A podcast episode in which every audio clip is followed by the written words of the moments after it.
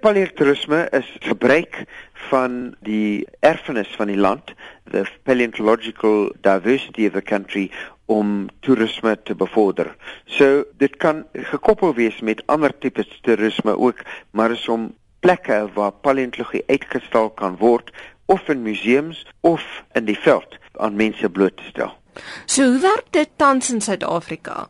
Dis 'n moeilike ding, want die probleem met paleontourisme is sodra jy 'n fossiel of 'n argeologie vir mense wys, ek weet nie wat dit is met die mense van die publiek nie, maar dan moet hulle dit vat, dan moet hulle dit steel. So jy wys dit vir die mense en hulle dra dit weg. So as ons vindplekke sites vir mense gaan blootstel en wys and I think this baie belangrik because when you've got something as important as this in a country we want to celebrate with the country but it immediately means that jy iemand daar moet uh, 'n polisie daar moet aanstel. Iemand wat dit sal bewaak. Dit kan 'n toergids wees dit kan 'n uh, wetenskaplike wees maak nie saakie maar dan moet jy uh, daardie persoon kan betaal So you've almost got to already have the tourists there so that you can get the money to pay the person. En dis 'n moeilike ding.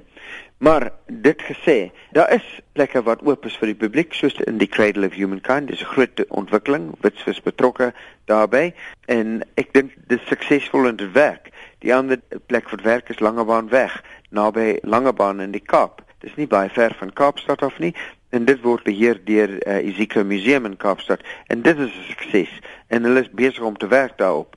En nog 'n plek is by New Bethesda in die Oos-Kaap waar ons fossiele wys vir die publiek. Ons gee hulle begeleide toere om te gaan wys hoe kry jy fossiele en dan is daar ook 'n oriëntasiesentrum wat vir mense die idee sal gee van hoe daardie omgewing gelyk het op 'n stadium. So we starting with this thing and wat ons graag wil doen is uiteindelik om 'n um, ehm, paleontologiese reis, 'n paleotourism route deur die land te hê dat jy byvoorbeeld sal begin in Kaapstad en dan sal ry na verskillende vindplekke.